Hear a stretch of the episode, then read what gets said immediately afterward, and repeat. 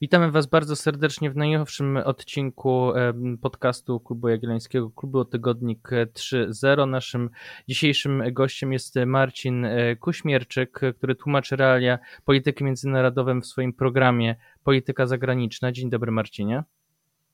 Dzień dobry, ja staram się je w przedstawić w jak najbardziej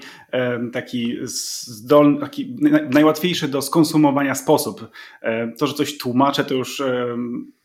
to może za dużo powiedziane, ale staram się jak mogę, żeby, żeby te sprawy były jak najlepiej zrozumiane przez jak najszerszą grupę odbiorców. To dzisiaj pociągniemy Cię w takim razie za język i, i, i zachęcimy do tego, żebyś naszym widzom trochę jeszcze mocniej potłumaczył e, niż może na, na, na, swoim e, kanale, do którego odsyłamy. E, ale skończę etap przedstawiania. Paweł Musiałek, prezes Klubu Jagiellońskiego. Dzień dobry, Pawle. Cześć wszystkim. A ja nazywam się Bartosz Brzyski. Dzisiaj przed nami duży temat, bo w ostatnich dniach i tygodniach sporo się działo. Zanim przejdziemy do Francji, do Niemiec, do Trójkąta Weimarskiego i do innych tematów, to jednak chciałbym wrócić do tego słynnego e, tweeta Donalda Tuska, który został opublikowany na platformie X 8 lutego, cztery dni przed wizytą e, polskiego premiera w Paryżu, w którym to Donald Tusk e, napisał: Drodzy republikańscy senatorzy Ameryki, Ronald Reagan, który pomógł milionom z nas odzyskać wolność i niezależność, musi się obracać dziś w grobie, wstydźcie się. Oczywiście to była reakcja na blokowanie tego pakietu dla e, Ukrainy, natomiast z mojego punktu widzenia, no to było takie budowanie pod przed wizytą w Paryżu. Jak wiadomo, Francja miłością jakąś gorącą do e, Stanów Zjednoczonych e, nie pała e, z różnych powodów, więc pytanie najpierw do Ciebie, Marcinie, czy to było takie symboliczne zaznaczenie zmiany w tym kierunku polityki zagranicznej polskiego nowego rządu, właśnie z tych relacji transatlantyckiej, pewna obawa, znaczenie, że Donald Trump jako prezydent nie będzie wiarygodnym gwarantem gwarantem bezpieczeństwa Polski e, i odwrócenie się właśnie w stronę tej, e, tych relacji kontynentalnych, e, budowa bardziej ścisłego sojuszu z państwami Europy Zachodniej. Być może. Ja nie wykluczam, że takie były intencje, ale ja, ja osobiście nie szedłbym tak daleko. Wydaje mi się, że to być może był po prostu charakterystyczny, jeśli chodzi o amerykańską politykę i pojmowanie amerykańskiej polityki w Polsce, emocjonalne, emocjonalne spięcie styków i, i, i reakcja właśnie w dużej mierze emocjonalna, taki akt strzelisty charakterystyczny dla generalnie relacji polsko-amerykańskich. Przede wszystkim nie sądzę, by Francuzi e, czy Niemcy byli jakoś niesamowicie zaangażowani w śledzenie Twittera polskiego e, premiera i że to byłby dla nich jakikolwiek istotny sygnał. Więc e, nie wydaje mi się, by to mogło być skuteczne narzędzie do wysyłania sygnałów. Tego typu sygnały można wysłać już podczas spotkań z oboma przywódcami, czy Niemiec, czy Francji. Mm, jeżeli zastanowimy się, jaki mógł mieć cel polski premier, to właśnie tutaj jest problem. To znaczy, to działanie było zupełnie tak naprawdę pozbawione sensu. Jeżeli ono było e, skierowane do amerykańskich republikanów, to nie sądzę, że e, wezwanie ich e, do właśnie, żeby się wstydzili, czy, czy hańba wam, czy to miałoby wpłynąć na ich zdanie, wręcz przeciwnie, być może jedynie utwardzić ich w przekonaniu, że ich optyka jest słuszna. I to jest generalnie bardzo, ja bym upatrywał czy starałbym się rozpatrywać e, tego tweeta w znacznie szerszym kontekście relacji polsko-amerykańskich i tego, jak musimy zacząć rozmawiać z Amerykanami, ponieważ polska polityka zagraniczna opiera swoje relacje z Amerykanami na pewnym paradygmacie, który wydaje się dzisiaj jeżeli nie odchodzi do przeszłości, to na pewno pojawia się inny. To znaczy w amerykańskiej polityce w Partii Republikańskiej pojawiają się, pojawiło się istotne skrzydło, które już odegrało w przeszłości istotną rolę w amerykańskiej polityce i dzisiaj wydaje się, że będzie odgrywać w dającej się przewidzieć przeszłości dalej bardzo ważną rolę. I my musimy na, nauczyć się mówić do tych ludzi w taki sposób, żebyśmy nie tylko byli zrozumiani, ale byśmy mogli wywierać wpływ na amerykańską politykę. I akty strzeliste typu Ronald Reagan, Jan Paweł II niszczyli komunizm, a wy co teraz e, robicie? Czy a pamiętacie Kościuszkę i Płaskiego, czy za wolność naszą i waszą? To nic nie da trzeba do tych ludzi mówić i w języku, w takim, w jakim oni pojmują świat i da się to zrobić. Da się polski interes narodowy, czy szerzej interes naszego regionu Europy przedstawić w kategoriach bardziej transakcyjnych, gdzie amerykański interes gospodarczy i amerykański, amerykańska pozycja w systemie międzynarodowym byłaby główną częścią narracji i to jeszcze osadzoną w szerszym kontekście nawet niekoniecznie walki z powstrzymywaniem Rosji, co koniecznie trzeba tam wpleść jeszcze Chiny, bo to jest to, co dzisiaj jednoczy amerykańską e, klasę polityczną. Da się taką opowieść stworzyć i co więcej, wydaje mi się, że w polskiej dyplomacji są osoby, które doskonale to rozumieją, ponieważ na przykład Radosław Sikorski miał wielokrotnie wystawiane piłki do ścięcia podczas monachińskiej konferencji bezpieczeństwa, gdzie jego rozmówcy wręcz no bardzo chcieli, żeby zaatakowało Donalda Trumpa, a ten za każdym razem sprytnie unikał, mówiąc, że e, właśnie stawiając na argumenty, które mogą ewentualnie trafić do tej sceny, tej, tej części amerykańskiej sceny politycznej, która może mieć jakieś, jakieś obiekcje w związku z dalszym wspieraniem e, swoimi zasobami naszej, naszej części świata. Jeżeli my będziemy cały czas e, względem Amerykanów e, stosować retorykę, której, której, która była skuteczna w przeszłości, to będziemy mówić do już przekonanych to nic nie zmieni. Więc wydaje mi się, że ważne jest to, żeby tego, tego typu emocjonalne tweety dotyczące amerykańskiej polityki to nie jest coś charakterystycznego tylko teraz dla polskiego premiera. Generalnie coś jest z tymi wyborami. Tak? To jest jakiś fenomen kulturowy, emocjonalny również w Polsce. Mamy bardzo dużą część klasy politycznej, czy również medialnej, opiniotwórczej, jak i w społeczeństwie. Tworzą się małe bańki poparcia dla konkretnych kandydatów w amerykańskich wyborach prezydenckich. No, my nie mamy na to naprawdę żadnego wpływu. Więc powinniśmy dostosowywać swoją politykę, niezależnie od tego, kto będzie rządził w Białym Domu, i dostosowywać swój przekaz do tego, jak świat postrzega dana opcja polityczna w Stanach Zjednoczonych. Wydaje mi się, że tego typu emocjonalne tweety nie są specjalnie potrzebne. Pytanie, Pawle, czy ty chcesz wejść tutaj w polemikę i uważasz, że jednak ten tweet nie był przypadkiem, e, bo Marcin zwraca uwagę też na to, że po tym tweetie jednak te słowa kolejne, wypowiedzi Radosława Sikorskiego były już zupełnie o innym wydźwięku niż, niż ten, ten tweet. No więc właśnie, czy to był, czy to był tweet symboliczny, czy to, było, czy to był wypadek przy pracy? Kilka aspektów. Po pierwsze, Donald Tusk oczywiście miał rację, że, Donald, że e, Ronald Reagan przewraca się w grobie, bo oczywiście e, jak zobaczymy na dominujące mm, poglądy republikanów dzisiaj na w ogóle stosunki międzynarodowe, no to one bardzo odbiegają tej reganowskiej polityki, która była polityką bardzo ekspansywną, była e, polityką taką, bym powiedział, ofensywną, śmiałą i dzisiaj to tak naprawdę dużo bardziej Joe Biden przypomina Ronalda Reagana niż Donalda Trumpa, więc merytorycznie można powiedzieć, że Donald Tusk, e, oddajmy mu, miał rację, natomiast czy miał, e, czy ten tweet był zasadny na gruncie polskiego interesu narodowego? Oczywiście, że nie. I tutaj Marcin ma rację przede wszystkim w tym aspekcie, że jeżeli my chcemy przekonywać Amerykanów do zmiany linii, to po pierwsze nie przekonujemy ich Twitterem, nie przekonujemy ich e, tym, że mówimy, że ktoś się w grobie przewraca, tylko robimy to innymi narzędziami. E, I e, też moim zdaniem jeszcze jest tutaj jeden problem, który warto wyeksponować. Donald Trump prawdopodobnie na to wszystko, na to wskazują sondaże, będzie prezydentem Stanów Zjednoczonych. Nie jest to oczywiście jeszcze pewne, ale szansa na to, że on wróci do władzy jest wysoka. No w związku z tym obstawianie na takiego czy innego kandydata, do którego nam bliżej lub dalej, e, przed wyborami prezydenckimi jest absolutnie e, dyplomatycznie fatalne, dlatego że przecież e, z tym Donaldem Trumpem trzeba będzie budować relacje, a niewątpliwie po takich tweetach Donalda Tuska te relacje będzie zbudować trudniej. Nie mówię, że w sposób będzie to już niemożliwe, ale na pewno administracja Trumpa będzie pamiętała tego typu zachowania i moim zdaniem jak najbardziej trzeba być bardzo dalekim od tego, aby szczególnie w tak dużym mocarstwie, które e, ma dużo większe znaczenie od Polski, e, e, wikłać się w taką politykę wewnętrzną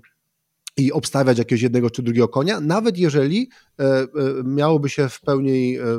argumenty na rzecz tego, że jeden kandydat jest dla Polski lepszy, a drugi jest gorszy. Bo to, tego oczywiście Tuskowi nie odmawia. Możemy dyskutować, czy dla Polski lepszy byłby Trump, czy Biden, czy ktokolwiek inny, ale to nie oznacza, że Donald Tusk powinien w ten sposób reagować. Natomiast chyba jednak polemika z Marcinem taka drobna dotycząca tego, jaki był cel tego tweeta, bo mi się wydaje, że tak naprawdę adresatem tego tweeta nie byli Amerykanie. Wydaje mi się, że adresatem była przede wszystkim Europa Zachodnia I ja mam takie wrażenie, że Donald Tusk chciał bardzo silnie podkreślić taką jedność e, tych kręgów liberalnych w Europie, którzy są absolutnie przestraszeni Donaldem Trumpem i Donald Tusk chciał wysłać sygnał pod tytułem słuchajcie, jestem z wami. I to jest ważne, dlatego że mm, Polska w percepcji Europy Zachodniej jawi się jako taki kontrojański Ameryki, już niezależnie od tego, kto by rządził w Stanach, jaką politykę prowadził, to ta Polska zawsze wybierze Stany Zjednoczone. Ja przypomnę taki krótki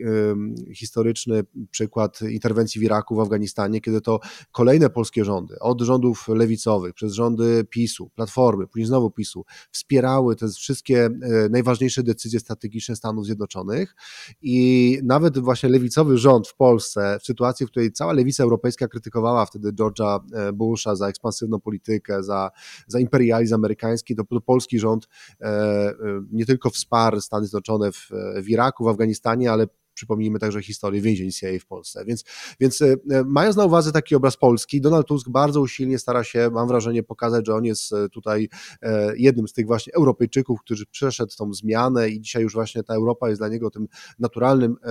wiodącym środowiskiem. Oczywiście Stany Zjednoczone są ważne, ale w tych kluczowych sprawach Donald Tusk puszcza takie oko do, do Europejczyków z brukselskich salonów, że mm, będziemy razem grać ewentualnie przeciwko Trumpowi, czy razem rozgrywać te relacje. I, I, ja to z jednej strony rozumiem, ale z drugiej strony dalej nie czuję, aby to było wystarczające uzasadnienie, dla którego tego typu sygnał powinien e, być wypuszczony. Ja rozumiem, że my, dla nas naturalnym środowiskiem jest Unia Europejska i, i dużo racji jest w tym, że Dzisiaj powinniśmy, szczególnie mając na uwadze te problemy, które e, są w Stanach Zjednoczonych, powinniśmy myśleć o Europie jako tym miejscu, nie tylko które jest dla nas jakimś ważnym źródłem rozwoju gospodarczego, ale także coraz ważniejszym źródłem też myślenia o obronności Europy. E, to są niewątpliwie e, dyskusje, które powinny w Polsce trwać i Marcin to słusznie wspomniał, że ten paradygmat, na którym my budowaliśmy relacje z Amerykanami. E, zakładam, że Marcinowi chodzi o to, że ci Amerykanie po prostu zawsze tutaj będą, będą nas chronić i, i to jest e, taki pewnik, na którym my budowaliśmy nasze poczucie bezpieczeństwa i w tym sensie Europę traktowaliśmy zawsze w kontekście obronnym jako taką dodatkową policję ubezpieczeniową, ale e, raczej jako AC, a nie OC obowiązkowe, bo tym OC to były zawsze Stany Zjednoczone. E, więc, e, więc podsumowując,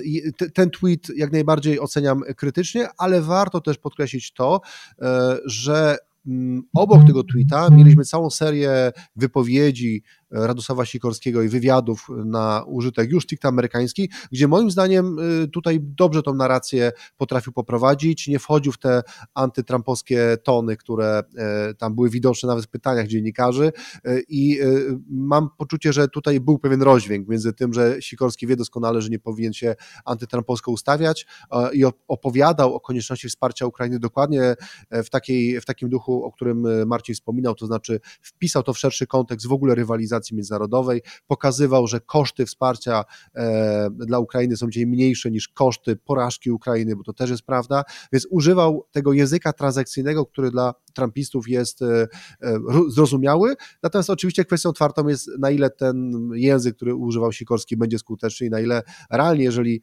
się administracja amerykańska zmieni, tutaj będziemy mieć do czynienia z jakąś zmianą kursu, czy być może z utrzymaniem status quo, to czas pewnie pokaże. E, to w takim razie, jeżeli e, jakoś tam zgodziliśmy się co do tego, że kluczem w tej chwili do, do budowy tej polityki e, zagranicznej bardziej, przynajmniej w tym intensyfikowaniu, w tej, w tej bardziej intensywnej części jest, mm, jest kwestia Europy Zachodniej, to chciałbym przejść do tego, co się wydarzyło cztery dni później, czyli właśnie do tej wizyty w Paryżu, bo to też było ciekawe, że jednocześnie minister Radosław Sikorski w ramach Trójkąta Weimarskiego e, spotkał się pod Paryżem z, z ministrami e, Niemiec i Francji, a Donald Tusk wtedy E, spotkał się z, z, mm, e, z, z Emmanuelem Macronem w Paryżu. E, I jeżeli jesteśmy już nadal na, tym, na tej płaszczyźnie symbolicznej, no to mimo wszystko Donald Tusk poleciał w pierwszym w pierwszym wyborze właśnie do Paryża. I to spotkanie odbyło się w bardzo takim, w taki sposób bogaty, zresztą ty Marcinie podkreślałeś te, też tę symbolikę w swoim ostatnim filmie dotyczącej tej, tej wizyty. I pytanie do was, na ile Francja dzisiaj w tej optyce Donalda Tuska e, jest tym pierwszym partnerem e, europejskim, bo też e, ta końcówka rządu Platformy Obywatelskiej, no to pamiętamy też zakup chociażby Karakali, mówiło się o tym, że to zbliżenie z Francją jakoś postępuje między innymi na tej niwie zbrojeniowej. Czy to jest powrót do tej polityki, która wtedy była obecna, czy to jest jeszcze większe wzmocnienie tej relacji z, z Francją, czy to będzie pierwszy partner w właśnie tego e, rządu, a rząd niemiecki zejdzie tutaj na dalszy plan. Marcin, jak na to mm, spoglądasz? Ja na wstępie tylko odniósłbym się do samego początku tego mhm. pytania, ponieważ moim zdaniem e, relacje z Europą Zachodnią są oczywiście istotne, natomiast nie zmienia to faktu, że nadal zabieganie o amerykańskie zaangażowanie w naszym regionie świata pozostaje e, kwestią priorytetową szczególnie w krótkim terminie, szczególnie, szczególnie w, w ciągu najbliższych miesięcy i lat. To znaczy, europejskie do, do tego, by ulokować e, większe jakieś e, nadzieje z, związane z europejskim przemysłem obronnym, czy generalnie możliwościami Europy w zakresie bezpieczeństwa, na to potrzebujemy znacznie więcej czasu niż mamy dzisiaj, więc dzisiaj Amerykanie nadal pozostają partnerem e, zupełnie nieodzownym. Drugi, mm, e, drugi wątek, który myślę, że warto poruszyć, to jest taki, że ja bym starał się odchodzić od pojmowania polityki zagranicznej z punktu widzenia polskiego państwa, w której, która była do pewnego stopnia naturalna w przeszłości, kiedy Polska była państwem znacznie, znacznie słabszym. Innymi słowy, e, Oczywiście, że relacje z Francją będą istotne i będzie to istotny partner w bardzo wielu zagadnieniach europejskich, w polityce rolnej, w polityce energetycznej. Jest to jedno z najpotężniejszych państw na kontynencie i z całą pewnością relacje z tym państwem będą istotne. Natomiast e, nie portretowałbym tego w takim charakterze gdzieś szukania, szukania jakiegoś patrona, który tym razem przejmie brzemię e, brania odpowiedzialności za nasze bezpieczeństwo. Mamy niezwykłe szczęście mamy niezwykłe szczęście, że ta fala e, rosyjskiej ekspansji imperialnej jest zatrzymywana przy użyciu przede wszystkim z środków e, zachodnich, jeśli chodzi o zasoby te policzalne e, i bez kosztów polskiej krwi. W wielu innych miejscach na osi czasu w polskiej historii moglibyśmy takie rozmowy toczyć gdzieś w okopach. Więc to jest wielkie szczęście i dzięki temu zyskujemy, zyskujemy czas. Zyskujemy czas, ponieważ e, Europa Zachodnia czy Stany Zjednoczone zrozumiały, że zagrożenie rosyjskie jest e, wyzwaniem, które rzucone jest całemu ładu międzynarodowemu, zasadom, które, które mają obowiązywać w europejskiej czy światowej globalnej polityce. E, I temu, by Rosja mogła, by Rosja mogła łamać te zasady, Zachód się sprzeciwia. Natomiast nie postrzega w taki sam sposób zagrożenia rosyjskiego jak nasza część Europy, co wydaje mi się już e, widoczne jak na dłoni. To znaczy, jeżeli e, pomoc dla Ukrainy może być żetonem amerykańskiej kampanii wyborczej, jeżeli Europa Zachodnia ewidentnie ociąga się z wieloma decyzjami, które mogłyby zostać podjęte, oznacza to, że ich cele względem polityki wschodniej są znacznie, znacznie odbiegają od naszych. Ciężko byłoby mi dziś podpisać się pod stwierdzeniem, że celem polityki Zachodu względem Rosji jest porażka Federacji Rosyjskiej. Jest raczej to, by Rosja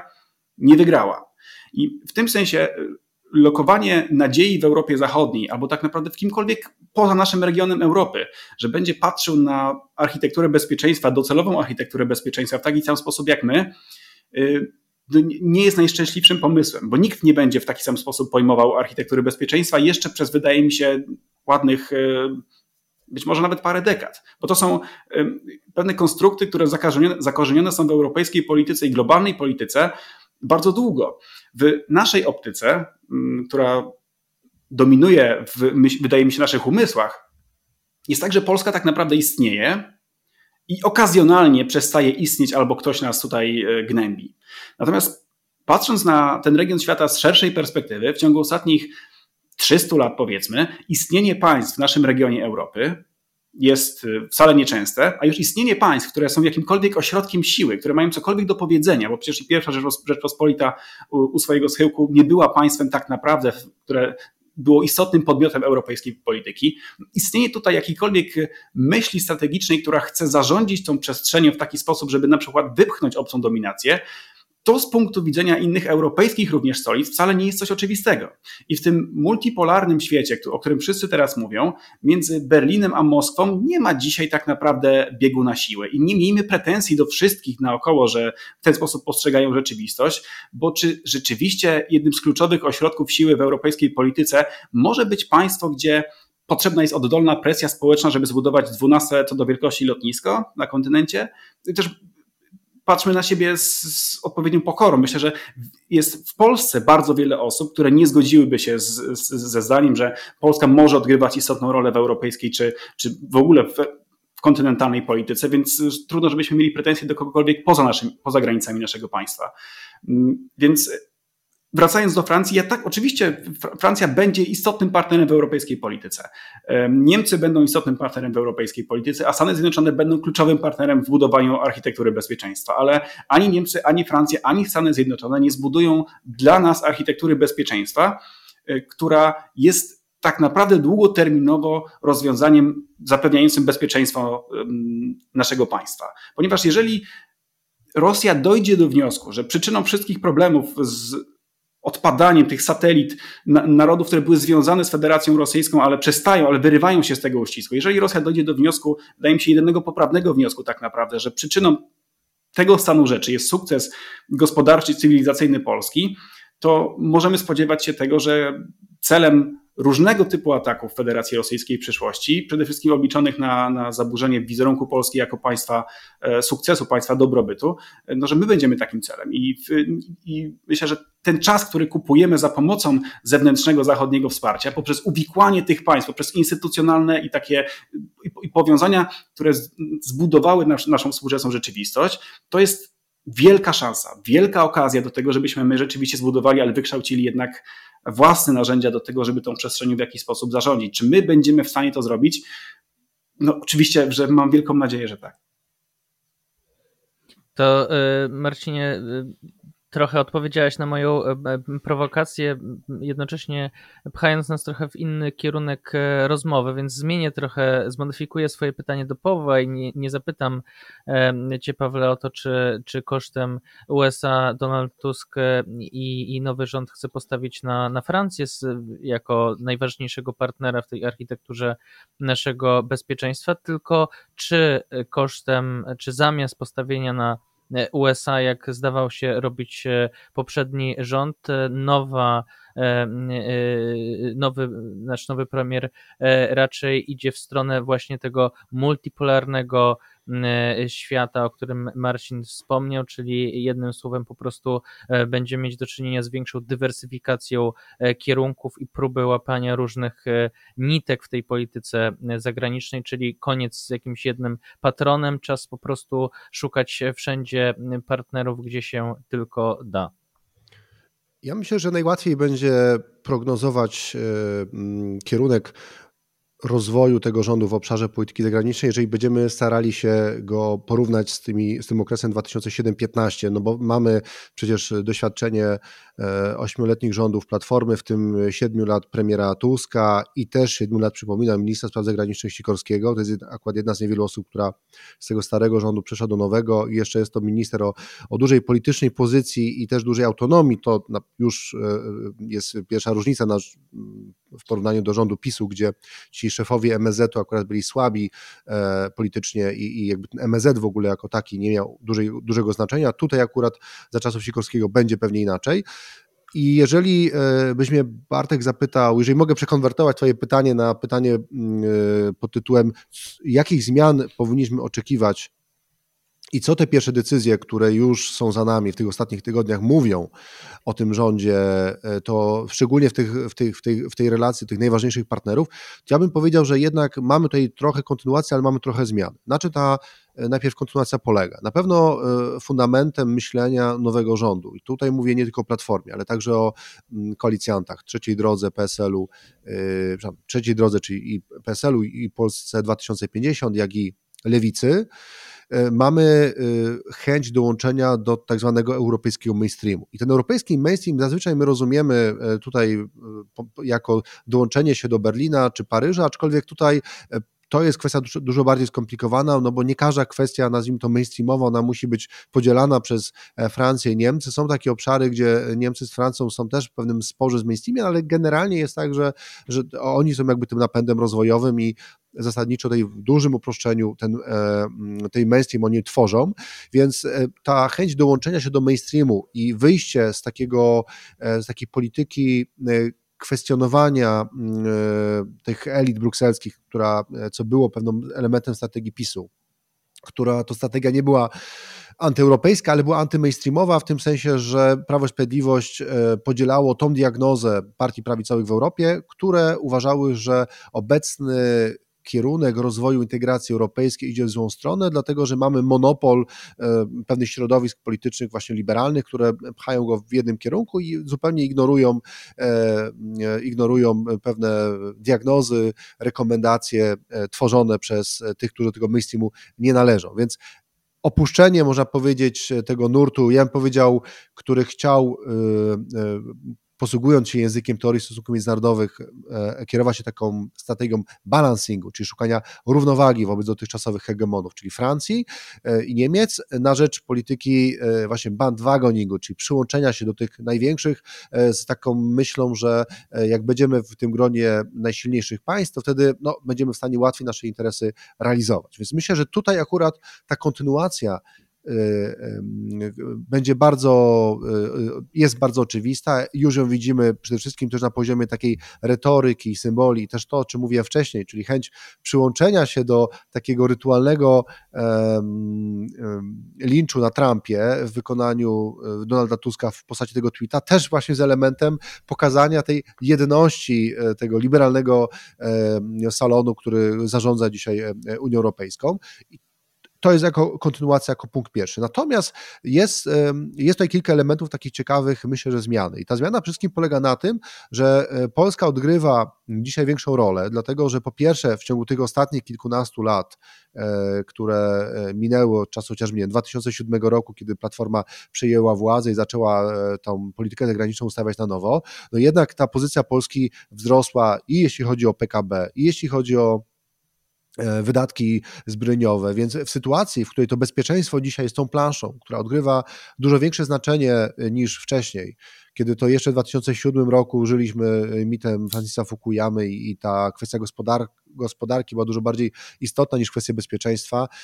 Wszystkim się wydawało, że te, że te zagrożenia one są bardzo abstrakcyjne i raczej leżą poza Europą niż w samej Europie. No to dzisiaj, skoro my w tym na tym poletku bezpieczeństwa odgrywamy ważniejszą rolę i samo to poletko jest ważniejsze, naturalnie rola Polski wzrasta. No i też naturalne jest to, że w sytuacji, w której, tak powiedział Marcin, e, Rosja e, e,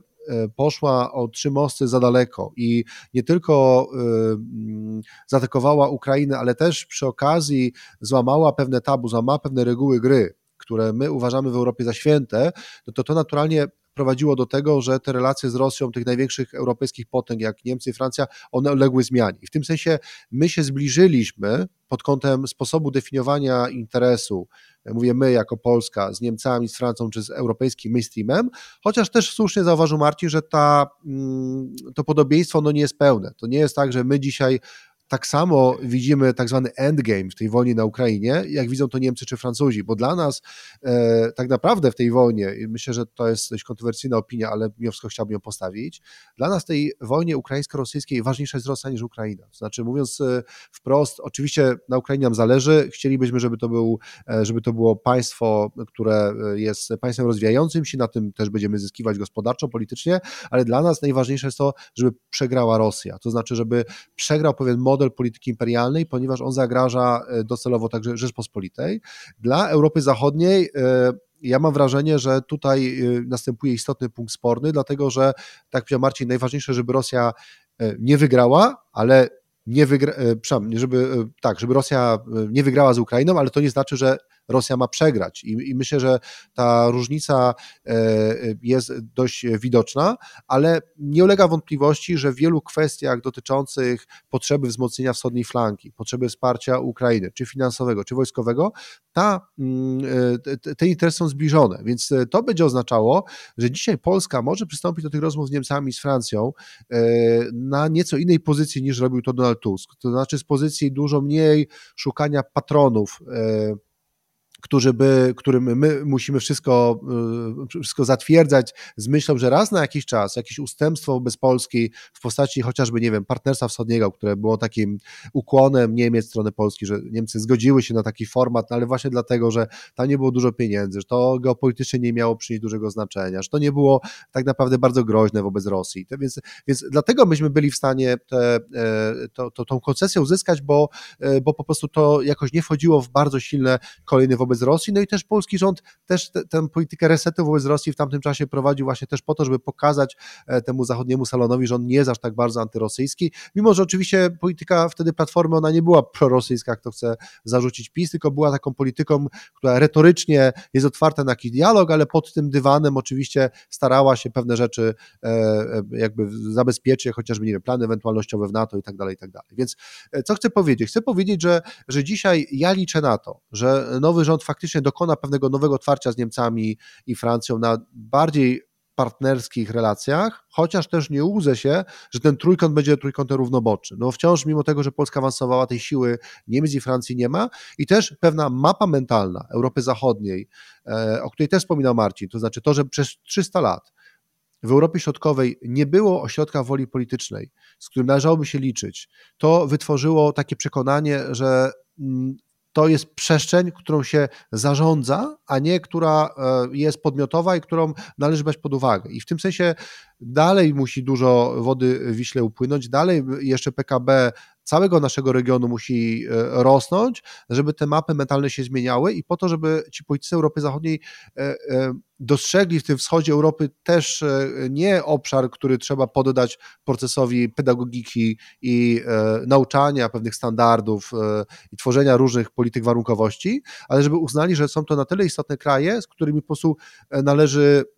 należy rozmawiać. Mówiąc krótko, kiedyś Ludwik Dorn w wywiadzie z Robertem Krasowskim powiedział, że kiedyś rozmawiał z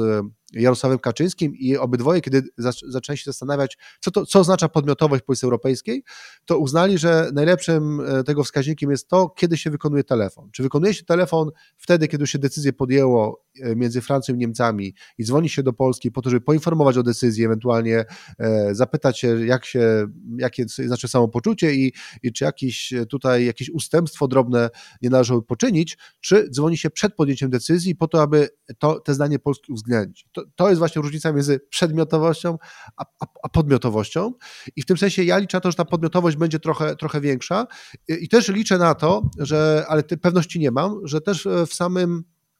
w samej refleksji Donalda Tuska, Rosława Sikorskiego zaszła pewna zmiana i ich dystans do Stanów Zjednoczonych, który był widoczny w czasie pierwszej, e, pierwszych rządów Platformy 2007-15, e, dzisiaj ten dystans jest mniejszy i, i ta rola, e, o, o której powiedział Marcin, ta krótkofalowa, w której Stany Zjednoczone są niezbędne, bo to one mają potencjał produkcyjny broni, żeby tą Ukrainę wyposażyć. Więc dzisiaj ja liczę na to, że mimo tej całej dyskusji wokół Trumpa, czy on będzie prezydentem, czy nie, jednak proamerykanizm e, tego rządu będzie, będzie mocny. Oczywiście on nie musi być już jednostronny i ta, to rozgrywanie sytuacji między Europą i Stanami powinno mieć miejsce. I myślę, że atom jest w ogóle dobrym takim e, miernikiem, takim termometrem, gdzie tą grę będziemy obserwować, ale niewątpliwie dzisiaj E, ta rola Stanów Zjednoczonych wciąż dla polskiego bezpieczeństwa e, krótkofalowo, średnioterminowo jest wciąż istotna i ja liczę na to, że Donald Tusk i Jarosław Sikorski będzie bardzo mocno to zabiegać. Dobrze, że jest Joe Biden, czyli ktoś z ich obozu, więc przynajmniej w tych początkowym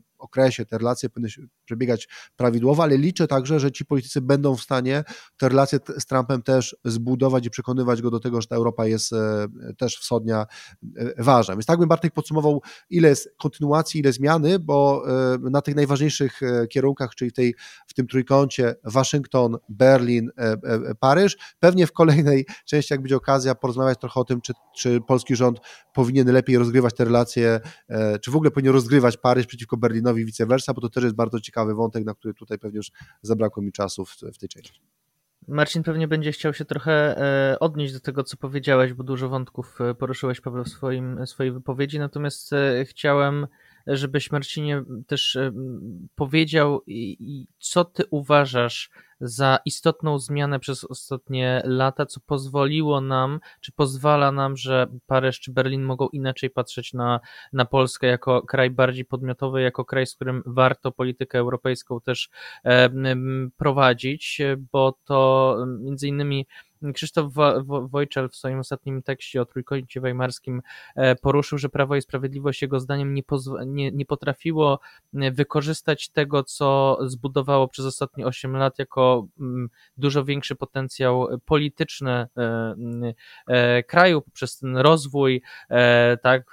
Paweł mówił o, o PKB, o infrastrukturze, o zbrojeniach, o innych rzeczy, ale że Prawo i Sprawiedliwość nie potrafiło tego właśnie w relacjach z krajami zachodnimi wykorzystać wykorzystać. E, pytanie właśnie, co, e, co dzisiaj się zmieniło w Polsce też, że dla Emmanuela Macrona czy dla Olafa Scholza e, Polska być może jest bardziej podmiotowa dzisiaj niż, niż jeszcze dekadę temu. Ja myślę, że nawiązując jeszcze do, do, do, do słów, które przed chwilą padły, ja myślę, że to kluczowe rozróżnienie, które Kluczowe rozróżnienie między polskim a zachodnim spojrzeniem na architekturę bezpieczeństwa polega na tym, że Naszym celem jest de facto pozbawienie Rosji statusu mocarstwa, które pozwala na wpływanie na politykę mm, w naszym regionie mm, Europy. Mm, a celem Zachodu nie jest pozbawienie Rosji tego statusu, tylko sprawienie, żeby swoje prawa mocarstwowe realizowała, szanując zasady gry, które ogólnie są e, przyjęte. To jest jednak e, bardzo istotna, fundamentalna różnica. I ona ciężko będzie ją zatrzeć w, w, najbliższym czasie. To znaczy, samo to, że Federacja, gdyby Federacja Rosyjska nie wstąpiła na wojenną ścieżkę, no to umówmy się, że y, Ukraina i Białoruś cały czas byłyby de facto traktowane jak y, rosyjska przestrzeń wpływów. Y, realna perspektywa dołączenia Ukrainy do przestrzeni euroatlantyckiej bez wojny no, była żadna. I, i, I, to właśnie przekroczenie tej bariery, to znaczy realizowanie swojej polityki imperialnej za pomocą narzędzi, narzędzia siły, to e, dopiero doprowadziło do tego, że zmieniła się optyka na Federację Rosyjską i zmieniła się ze względu na, na narzędzia, z których, z których korzysta Federacja Rosyjska. To, co się zmieniło w Polsce, co pozwala nam myśleć inaczej o, przyszło, o przyszłości, mm, ja nie upatrywałbym tego w, w wyłącznie w rzeczach policzalnych. To znaczy, wydaje mi się, że podstawową kwestią, która zmienia pozycję Polski na arenie międzynarodowej, jest e, emocja społeczna i rosnące aspiracje i ambicje Polaków. To znaczy, jest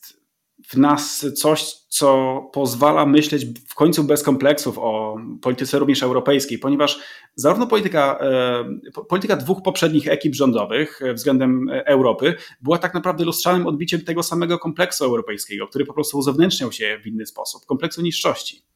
Wydaje mi się, że i żyjemy w nowej rzeczywistości również pod tym względem, że po prostu nie czujemy się w niczym gorsi. Oczywiście, że jest wiele w Polsce do poprawienia, wiele, wiele rzeczy musi wyglądać zupełnie inaczej, ale to, co napędza te, te to, tak naprawdę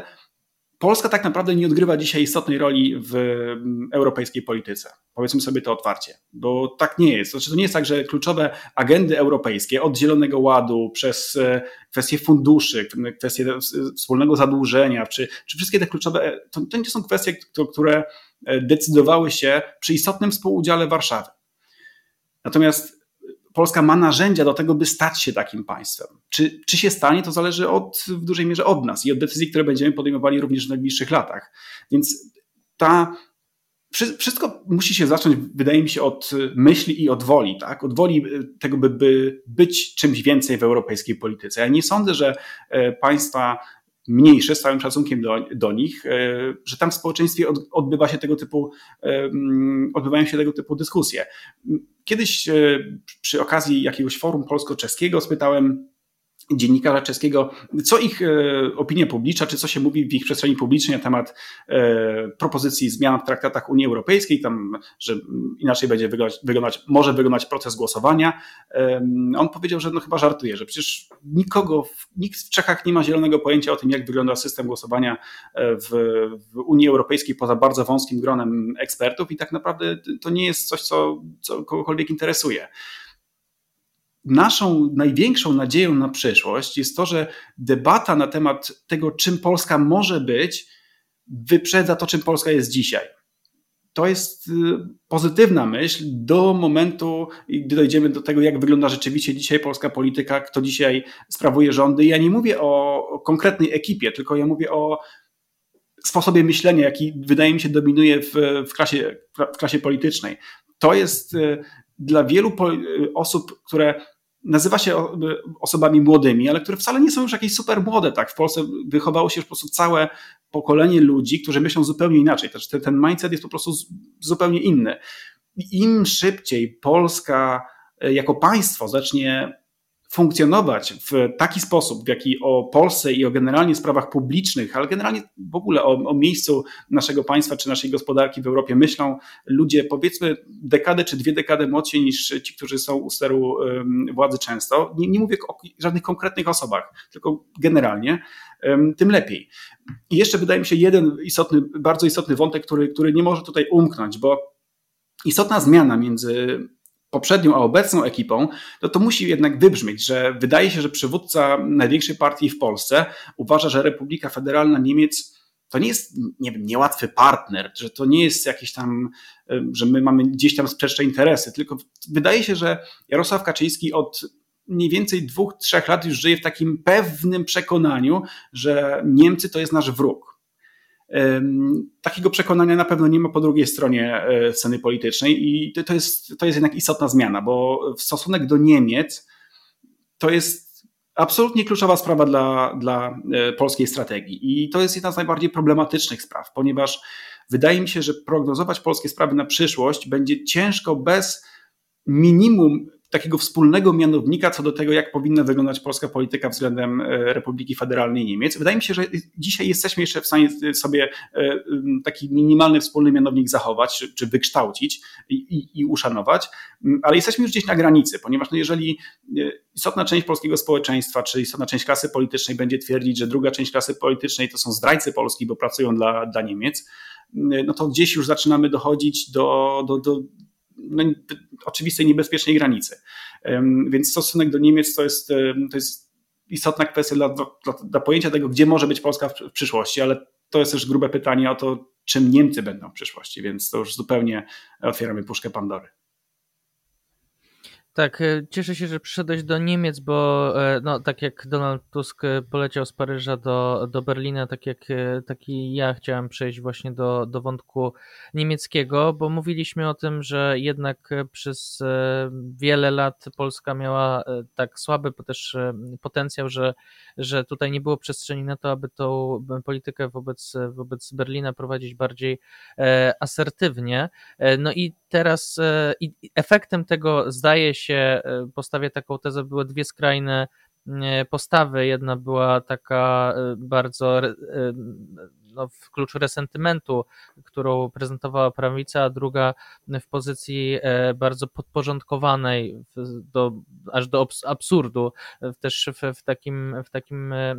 paradygmacie Polacy chyba patrzyli właśnie na, e, na Niemcy i pytanie, czy dzisiaj otwiera się nowy, nowy jakiś rozdział, nowa możliwość do tego, aby prowadzić politykę bardziej asertywną wobec, bardziej podmiotową wobec Berlina, no bo też wiemy, wiemy, że Niemcy jako, jako takie mają swoje kłopoty i kłopoty na różnych, e, na różnych płaszczyznach. I też z tego powodu pytałem was e, o Paryż i o to, że być może Donald Tusk właśnie znając słabość Berlina zaczyna patrzeć bardziej przychylnie na, na jeszcze bardziej zachodniego partnera europejskiego, więc o ten stosunek do, do Berlina. Chciałem zapytać Ciebie, Pawle, na ile Ty widzisz, że ta polityka wobec Niemiec E, sprzed dekady e, się nie powtórzy, tylko będzie wyglądać zupełnie e, inaczej, bo po prostu Polska ma inny dziś potencjał. I inaczej wyglądają też Niemcy. Myślę, że będziemy obserwować pewną zmianę, ale nie będziemy obserwować rewolucji. Na czym ta zmiana będzie polegać? Ona polega na tym, że tak powiedziałem, Polska jest dzisiaj e, krajem e, silniejszym, który ma e, i te policzalne zasoby większe, ale też to, to co powiedział Marcin, też ta, ta część ewolucjonalna, można powiedzieć, też wygląda dzisiaj inaczej. Też ta dyskusja wokół CPK przecież, o której rozmawialiśmy w Klubu Tygodniku tydzień temu, dokładnie jest dyskusją o tych aspiracjach Polaków, bo ta dyskusja przecież przekuła pewne bańki, więc myślę, że też nawet w elektoracie niechętnym prawicy jest taka emocja, że to, ten poziom podporządkowania wobec Niemiec, czy strategia szukania patrona, którą uprawiał Tusk w latach 2007-2014, to była polityka, która jest nie do powtórzenia i myślę, że ona się też będzie dzisiaj zmieniała no z też z kilku innych powodów. Po pierwsze, Wówczas Niemcami rządziła Angela Merkel, z którą też Tusk miał dużo bliższe relacje. Rządziło CDU, z którą razem Platforma była w politycznej grupie w Europarlamencie, więc w grupie chadeckiej EPP, więc to też jest, to też naturalnie zbliża e, te, e, zbliżało te mm, Polskę i Niemcy. Mm, pozycja Scholza jest dzisiaj znacznie słabsza niż pozycja Merkel, więc też e, Polska może sobie pozwolić na, na trochę więcej. E, też ta koalicja w Niemczech jest trudniejsza, bo ona się składa z różnych podmiotów, więc ileś takich kontekstów widzimy, które powodują, że te nasze argumenty czy papiery w tych rozmowach z Niemcami będą mocniejsze. E, I też myślę, że Donald Tusk ma jeszcze jedno narzędzie, którego nie miał wcześniej, albo mm, miał to narzędzie, ale ono było znacznie słabsze niż teraz, czyli może użyć pewnego straszaka słuchajcie, drodzy Niemcy, y, my rozumiemy, że y, trzeba tą politykę z wami prowadzić trochę inaczej, chcemy prowadzić ją inaczej, ale zwróćcie uwagę, że to, że rządziło w Polsce 8 lat Prawo i Sprawiedliwość nie jest przypadkiem i jeżeli nie chcecie, żeby Prawo i Sprawiedliwość wróciło do władzy z taką niemiecką retoryką, jaką prowadziło, no to my oczekujemy zupełnie innego podejścia. I myślę, że to jest w ogóle taki mm, fajny, e, e, nie chcę powiedzieć as, ale na pewno jakaś karta, którą Donald Tusk mógłby subtelnie grać. I e, to, że Prawo i Sprawiedliwość było takim taranem, które wjechało szczególnie w tej końcówce rządów na e, to pole niemieckie, moim zdaniem przy różnych kosztach tej polityki przyniosło także ten jeden dobry skutek, to znaczy, że dzisiaj Platforma może na białym koniu e, pokazać, że robimy nowe otwarcie, ale jednocześnie e, dla elity niemieckiej jest jasne, że e, ten,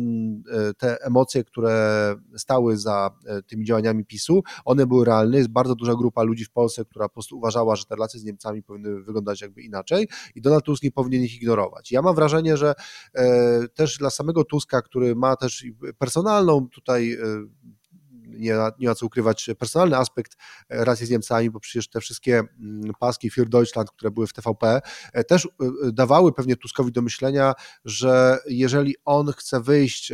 z tej najsilniejszej krytyki, to on też powinien unikać sytuacji, w której symbolicznie on coś Niemcom będzie oddawał za darmo. I tak jak Platforma, moim zdaniem, słusznie zdiagnozowała własny problem wizerunkowy, E, w obszarze polityki gospodarczej. I bardzo dużo włożyła wysiłku, żeby odejść od wizerunku partii liberalnej. I to, że zaakceptowała program PiSu 800 plus kosztem własnych propozycji programowych zawartych w stu konkretach, to nie jest przypadek, dlatego że właśnie Tusk chce zabrać przeciwnikom pewną amunicję, e, która e, była wykorzystywana w bardzo intensywnej skali. I to samo ja mam wrażenie, że będzie chciał zrobić w relacjach z Niemcami. I dowodem na to jest to, że Radosław Sikorski w Berlinie jednak wspomniał o zadośćuczynieniu. E, ja przypomnę, że jeszcze wcześniej Platforma w ogóle podpisała się pod uchwałą inicjowaną przez Prawo i Sprawiedliwość. Pewnie oczywiście zrobiła to trochę po Gowinowemu, czyli podpisa- e, głosowała, ale się nie cieszyła. No ale niewątpliwie to zrobiła i jakby pewien krok polityczny został e, tutaj zrobiony. No i dzisiaj ta dyskusja jest kontynuowana. Pewnie nie będzie tak, że ta sprawa będzie stawiana na ostrzu noża, że to od tego zaczną się rozmowy z Niemcami przy okazji licznych wizyt, które pewnie przed nami, ale ten temat z agendy nie spadł i Radosław Sikorski posługuje się tutaj dokładnie narracją Prawa i Sprawiedliwości, czyli oczekujemy nie tyle reparacji, co zadośćuczynienia i też podkreślmy, że rząd PiSu również, mimo tego, że ta kwestia reparacji była podnoszona w debacie publicznej, jednak na to się nie zdecydował. Miał świadomość tego, że no, prawno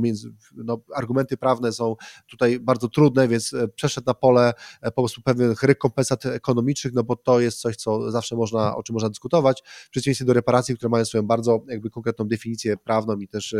e, ten temat był e, no, przez trzecią RP e, po prostu zamknięty, mówiąc, mówiąc wprost. Więc więc odpowiadając, pewna zmiana tonu, ja uważam, że nastąpi. Nie będzie polityki serwilistycznej, nie będzie polityki grania na takiego właśnie jednego patrona, który nas ma pociągnąć. Też ten, te główne interesy Polski i Niemiec, jeśli chodzi o politykę wschodnią, troszeczkę się bardziej zazębiły, chociaż e, pamiętajmy, że tylko do pewnego stopnia. Więc te okoliczności powodują, że te relacje, ja uważam, że będą dużo bardziej e, równoprawne, aczkolwiek no dalej jednak e, podkreślę, że kontynuacją będzie to, że, że no finalnie, jeżeli po tych licznych sporach Berlin postawi na ostrzu noża e, pewną kwestię, no to tutaj myślę, że ten rząd jednak będzie, e, będzie na końcu w wielu kwestiach, e, nawet jeżeli coś no, nie będzie w smak, to jednak będzie akceptowało to, co Berlin robi, no bo Platforma zdaje sobie z tego sprawę i tu zdaje sobie z tego sprawę, że no, tak bardzo tak intensywnie posługuje się tą e, narracją proeuropejską, tym dyskursem takim euroentuzjastycznym i e, że, że nie może po prostu e, pójść na taką jawną konfrontację. Więc nawet jak tam będą pewne spory, to one będą odbywały się w zaciszu gabinetów, i moim zdaniem takim bardzo ważnym sprawdzianem dla asertywności Polski wobec Niemiec i mówię szczerze, że nie wiem, jak, to, jak rząd postąpi w tej sprawie. Ja traktuję to jako kwestię, taką, taki, taki ważny tester. Będzie to, jak polski rząd podejdzie do tej zmiany reform instytucjonalnych, bo to jest coś, na, co, na czym Niemcom bardzo zależy. Znaczy zmiana sposobu głosowania e, w tym pakiecie zmian, który e, jest, jest położony na stole, jest czymś absolutnie dla Niemiec fundamentalnym. Niemcy chcą znieść prawo weta, a to prawo weta dla Polski jest czymś bardzo ważnym, bo w sytuacji, w której my definiowaliśmy nasz interes zawsze jako jednak na pewnej kontrze wobec mainstreamu i to robiła to też Platforma, bo Radosław Sikorski od wielu lat już zawsze podkreśla, chociaż niekoniecznie bardzo głośno, że przecież e, no, nasze zaopatrywanie na Rosję jest nieco inne niż mainstreamu, ale my używamy innej trochę retoryki po to, żeby ten mainstream przekonać, a nie zniechęcić w porównaniu do PiSu. No ale te różnice interesu są, więc to prawo weta w Polsce e, też Anno Domini 2024 za czasów rządu e, Donalda Tuska też jest narzędziem, które temu rządowi będzie potrzebne, chociażby po to, żeby po prostu mieć lepszą pozycję negocjacyjną. Więc ja jestem bardzo ciekaw, czy w sytuacji bardzo mocnej presji e, Berlina, i także Paryża, bo Paryż do tego się też przychyla, e, polski rząd będzie w stanie to weto obronić, albo jeżeli będziemy chcieli je znieść, to czy uzyskamy jakąś wystarczającą rekompensatę. I ja bym chciał zwrócić uwagę, że, że e, na dzisiaj jeszcze nie wiem, jakie będzie rozstrzygnięcie, ale chciałbym, żebyśmy obserwowali ten aspekt, bo on mi się wydaje być najlepszym, można powiedzieć, takim stres testem dla tego rządu, na ile on faktycznie w kluczowej sprawie będzie w stanie się Berlinowi sprzeciwić. Marcin, e, scena jest twoja, ale dopytam raz jeszcze, na ile mamy do czynienia z różnicą semantyki języka, a na ile mamy e, różnicę celów w polityce e, zagranicznej w stosunku do e, Berlina. Zdecydowanie najśmieszniejszym elementem konferencji prasowej Tuska i Scholza z, z, podczas ostatniego spotkania był moment, w którym do głosu doszedł niemiecki dziennikarz, który zapytał polskiego premiera, jak pan odpowie na zarzuty, że w sumie no, doszło do zmiany władzy w Polsce, ale niewiele się zmieniło, bo jesteście przeciwni y, zmianom y, właśnie w systemie głosowania w Unii Europejskiej, dalej chcecie budować atom, no więc jak to? Przecież to taka wielka zmiana zaszła w Polsce, na co polski premier y, wyraźnie zdziwiony stwierdził, że no oczekiwanie, że na przykład zmieni się jego podejście do atomu jest jakieś dziwne. To znaczy, oczywiście część polityki względem Federacji, e, względem Republiki Federalnej Niemiec e, wynika z odrębnych interesów, które nie będą zmieniać się pod wpływem zmiany władzy w Polsce. To, że będziemy inaczej patrzeć na e, właśnie na przykład kwestie energetyki czy kwestie bezpieczeństwa niż Niemcy, niezależnie od tego, kto będzie w Polsce rządził. Dla mnie największym problemem polityki e, realizowanej przez e, poprzedni rząd Donalda Tuska, tej polityki, którą określa się proniemiecką, wcale nie jest to, że ona była proniemiecka, tylko to, że ona była nieskuteczna. To znaczy, e, musimy zacząć rozliczać polityków nie za deklaracje, czy za to, w jakie kierunki są według nich optymalne polityki zagranicznej, tylko jakie realne skutki przynoszą. W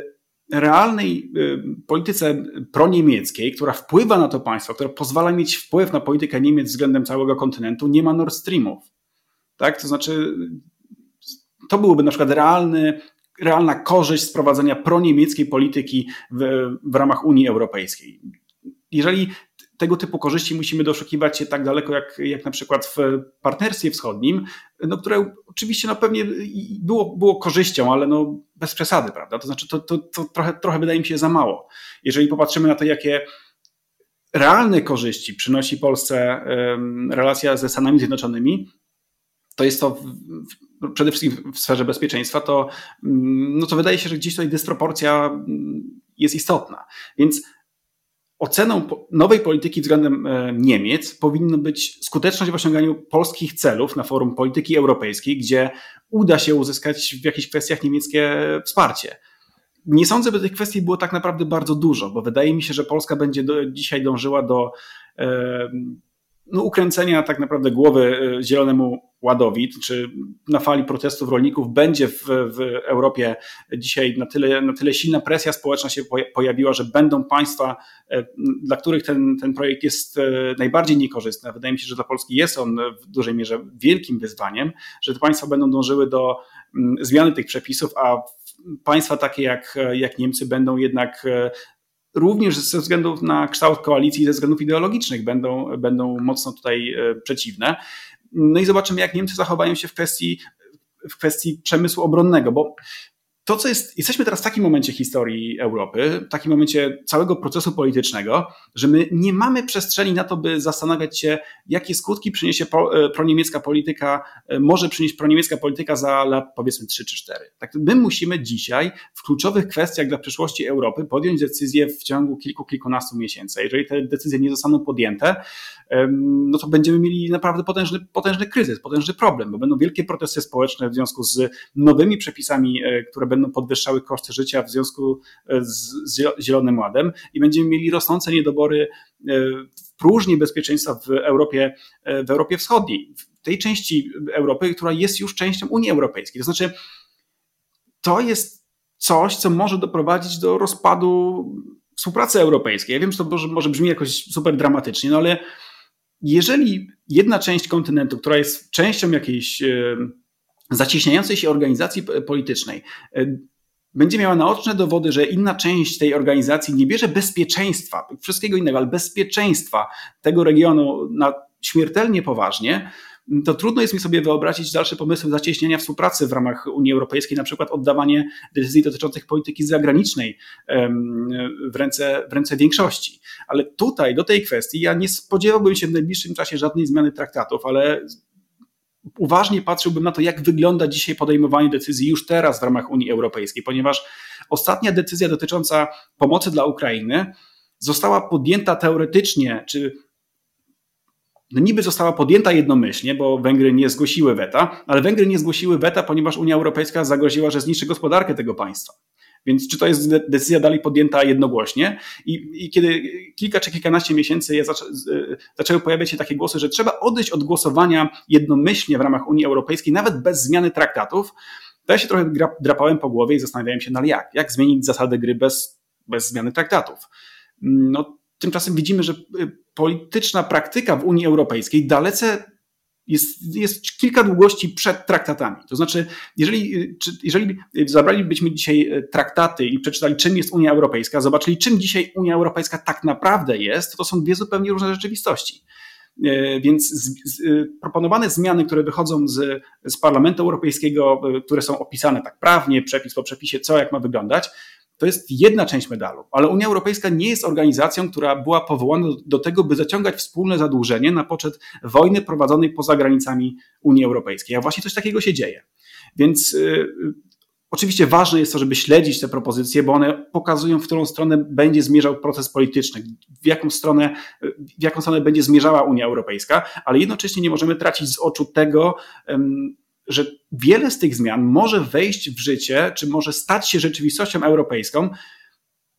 w odpowiedzi na kolejne kryzysy, które będą uderzać w Unię Europejską nadchodzi kryzys związany z, z brakiem amunicji, będziemy mieli kolejne mechanizmy europejskie, które, które będą odpowiedzią na ten proces. I ja nie, mówię, nie, nie staram się ich teraz źle oceniać, tylko y, mówię, że musimy stale teraz patrzeć uważnie na to, co będzie działo się w europejskim procesie politycznym, również jeżeli nie chodzi o zmiany traktatu, tylko generalnie, bo każda zmiana, którą y, w odpowiedzi na kryzys w Unii Europejskiej staje się tak naprawdę jak precedens sądowy jakiś, staje się nową rzeczywistością prawną, w której zmienia się rzeczywistość polityczna, zmienia się, zmieniają się, powstają y, nowe ośrodki władzy, czy zmienia się środek ciężkości podejmowania decyzji między państwem a instytucjami europejskimi. To jest niesłychanie dynamiczny czas i bardzo ważne jest, żebyśmy nie stracili tutaj y, oczu z tego, gdzie jest piłka w danym momencie. E, dziękuję Ci za to. E, to w takim razie wiem, że to jest horyzont czasowy, który pewnie, który pewnie w tym paradygmacie, który przedstawiłeś, jest dosyć daleko, bo mowa o 1 stycznia 2025, kiedy Polska przejmie e, prezydencję w Unii Europejskiej. Natomiast trochę wykorzystując ten punkt, chciałem na koniec już naszej rozmowy zapytać Was o właśnie te cele polityki zagranicznej e, Polski, przynajmniej w tym ujęciu bardziej unijnym, zachodnim, bo tego, te, tego aspektu polityki zagranicznej na wschód e, Ukrainy, Chin, Federacji Rosyjskiej. Dzisiaj już nie, nie poruszymy, ale co powinno być tym celem na najbliższe miesiące mm, polskiej, polskiego e, rządu, bo Marcinie kilka wątków E, poruszyłeś, ale wydaje mi się, że e, jak powiedziałeś o tym, że powinniśmy sprawdzać skuteczność, realizację pewnych właśnie celów, a nie deklaracji i chęci, to w takim razie jeszcze na koniec o tych celach, e, waszym zdaniem, jakie one są, porozmawiajmy chwilę. Pawle? Cele krótkoterminowe, czyli na najbliższe tygodnie, miesiące są następujące. Po pierwsze, mm, przekonanie europejskich partnerów, tych, którzy do tej pory takiej woli nie wyrazili, aby e, stworzyć kolejny silny pakiet wsparcia, już nie tylko finansowego, bo to się udało przepchać, ale też militarnego. Tego niestety na ostatnim szczycie e, Rady Europejskiej się nie udało załatwić. E, po, tej, po tym szczycie Rosław Sikorski bardzo wyraźnie rozczarowany podkreślał, że po prostu e, wiele państw europejskich nie zdaje sobie z tego sprawy, jaka jest powaga sytuacji. Jeżeli Ukraina nie otrzyma mm, dodatkowej, dodatkowego wsparcia militarnego czy amunicji, to po prostu tą wojnę zacznie intensywnie przegrywać więc e, to jest na poletku unijnym, oczywiście na poletku amerykańskim to samo, czyli odblokowanie, lobbying tutaj pewnie wspólnie z partnerami europejskimi na rzecz tego, żeby w końcu ta pomoc została odblokowana. Wiemy, że kolejny e, odcinek tego serialu e, z pomocą amerykańską trwa i zobaczymy za niedługo jaki będzie tego rezultat. Natomiast Kolejną kwestią jest to, że pewnie e, też e, ważna, wa, znaczy już trzeba się przygotowywać do e, czegoś, co myślę, że nawet jeżeli efekt da za kilka lat, to nie mamy teraz takiego komfortu, żeby z tego rezygnować, czyli przyspieszenie dyskusji w Europie na temat tego, aby zwiększyć nasze zdolności produkcyjne. Bo dzisiaj problemem w Unii Europejskiej jest nie tylko brak czy ograniczona wola polityczna, ale przede wszystkim e, brak zasobów e, produkcyjnych do tego, żeby nie tylko wspomóc Ukrainę, ale być może za jakiś czas wspomóc e, także kraje natowskie. I więc to mm, zbudowanie tego, odbudowa tego przemysłu zbrojeniowego w Europie wydaje mi się, że powinna być czymś, co jest bardzo ważne dla Polski. Powinna być też przestrzenią właśnie rozmowy między Francją i Niemcami. Na, pewnie, na pewno tak będzie. Pytanie z jakimi konkluzjami. I tutaj właśnie stworzenie jakiegoś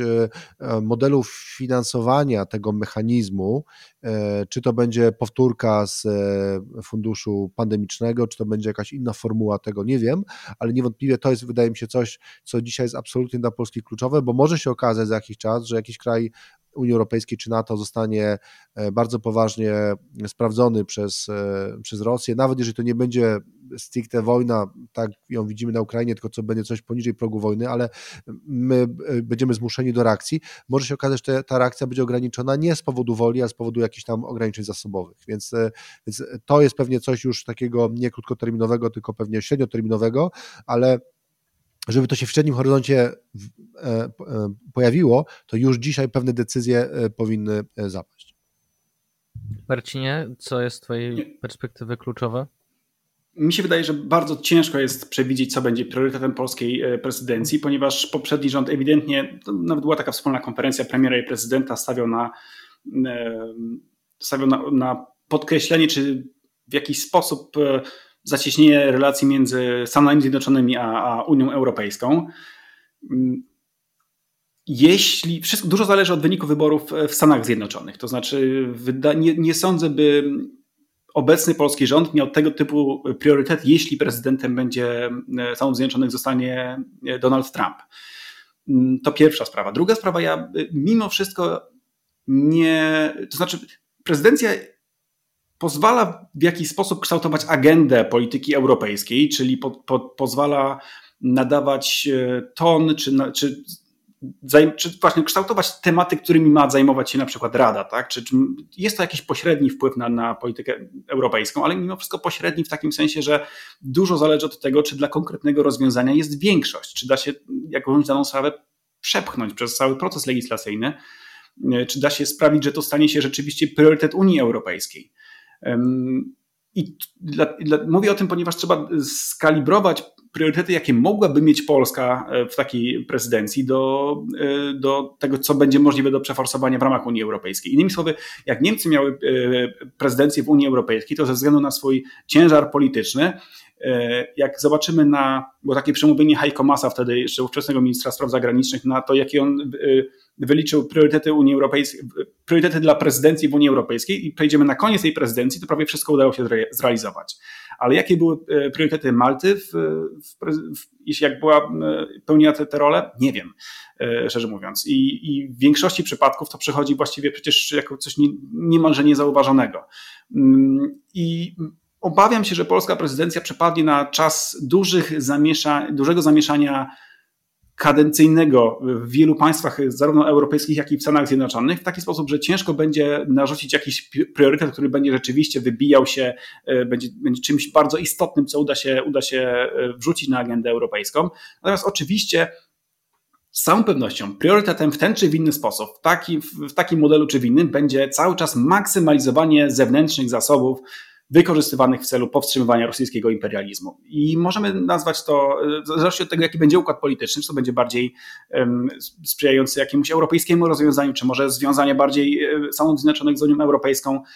Polska polityka zagraniczna w najbliższym czasie będzie kupowała czas e, kupowała czas z zewnętrznymi zachodami, tak by e, móc lepiej przygotować się na wyzwania, które z całą pewnością nadchodzą w przyszłości. Bardzo dziękuję. Zabrzmiało to co prawda groźnie i, i, i, i myślę, mam nadzieję, że, e, że jednak e, całość wypowiedzi e, czy naszej rozmowy też dała trochę nadziei, że mimo wszystko, póki to, ten czas mamy, to wykorzystujemy go w Polsce całkiem nieźle i nasza pozycja gdzieś tam w, na przestrzeni lat mimo wszystko rośnie, chociaż czasy są dosyć groźne i niebezpieczne. Między innymi dlatego chciałem jeszcze nawiązać, że przed tą drugą rocznicą E, ataku Federacji Rosyjskiej na Ukrainę mm, wystartowaliśmy w klubie jagiellońskim z petycją Apel 24 e, o e, zbudowanie takiego konsensusu w najważniejszych dla Polski sprawach. Marcinie, ty podpisałeś, jesteś jednym z 24 sygnatariuszy naszego apelu, którego, który niedługo złożymy w Sejmie. Jakbyś mógł jeszcze w dwóch słowach, jeśli cię mogę prosić, powiedzieć, dlaczego zdecydowałeś się na podpisanie tej naszej petycji? Spór, nawet bardzo głęboki spór dla demokracji jest czymś absolutnie naturalnym i nie tylko możemy, ale powinniśmy spierać się w zdecydowanej większości tematów, bo nienaturalne jest, jeżeli tego sporu nie ma. To znaczy, że system, w którym funkcjonujemy, jest y, po prostu niedemokratyczny, jest zły. Natomiast naszą ojczyznę czekają wielkie wyzwania w najbliższej i średniej przyszłości. To nie jest środowisko, w którym możemy pozwolić sobie, aby spór dotykał samych fundamentów tej budowli, którą wspólnie staramy się zbudować. Musi być cały zestaw tematów, cały zestaw tak naprawdę reguł gry, które są respektowane przez wszystkie strony sceny politycznej. To nie jest czas na, na to, by podważać fundamenty polskiej państwowości. A w wielu wypadkach tak się dzieje i wydaje mi się, że jesteśmy świadkami czegoś mm, bardzo niebezpiecznego, gdzie w,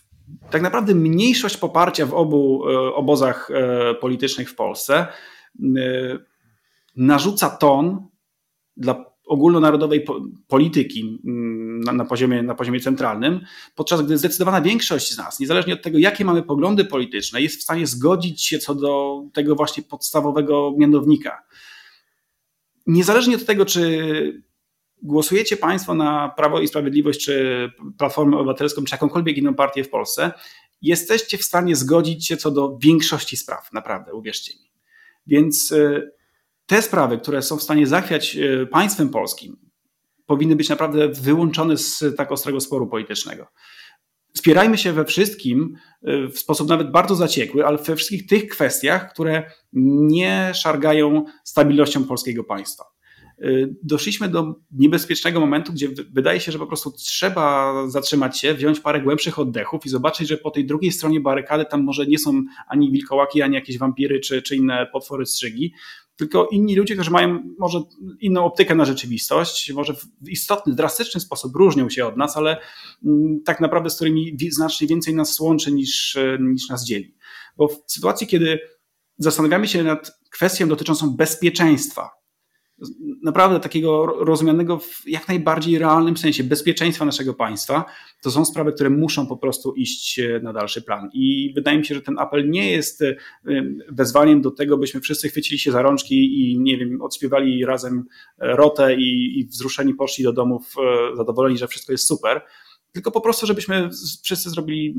dwa, trzy kroki wstecz, uspokoili się i, i zobaczyli, że to nie jest czas że to jest czas na odpowiedzialną politykę e, propaństwową i, i, i warto, wydaje mi się, o to apelować do wszystkich.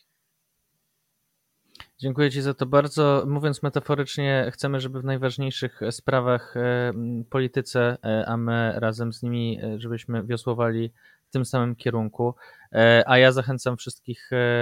słuchaczy, aby podpisali Apple 24. Link znajdziecie w opisie. Ja za dzisiejszą rozmowę bardzo serdecznie Wam dziękuję. Paweł Musiałek, Marcin Kuśmierczyk. Dzięki wielkie. Jeszcze raz Marcin, Tobie dzięki za nie tylko tą rozmowę, ale też za e, podpis pod apelem i za te e, ciepłe słowa. Również Państwa jako prezes Klubu Jagielskiego bardzo serdecznie zachęcam, żeby e, pod tą petycją się podpisać www.apel24.pl E, a jeśli podoba Wam się nasz format, to oczywiście, e, to oczywiście zachęcamy do i do wsparcia, do przekazania 1,5%, e, a kanał Marcina Polityka Zagraniczna jeszcze raz polecamy. Też link znajdziecie w opisie. Ja mm, nazywam się Bartosz Brzyski i mam nadzieję, że spotkamy się także z Państwem za tydzień. Do usłyszenia.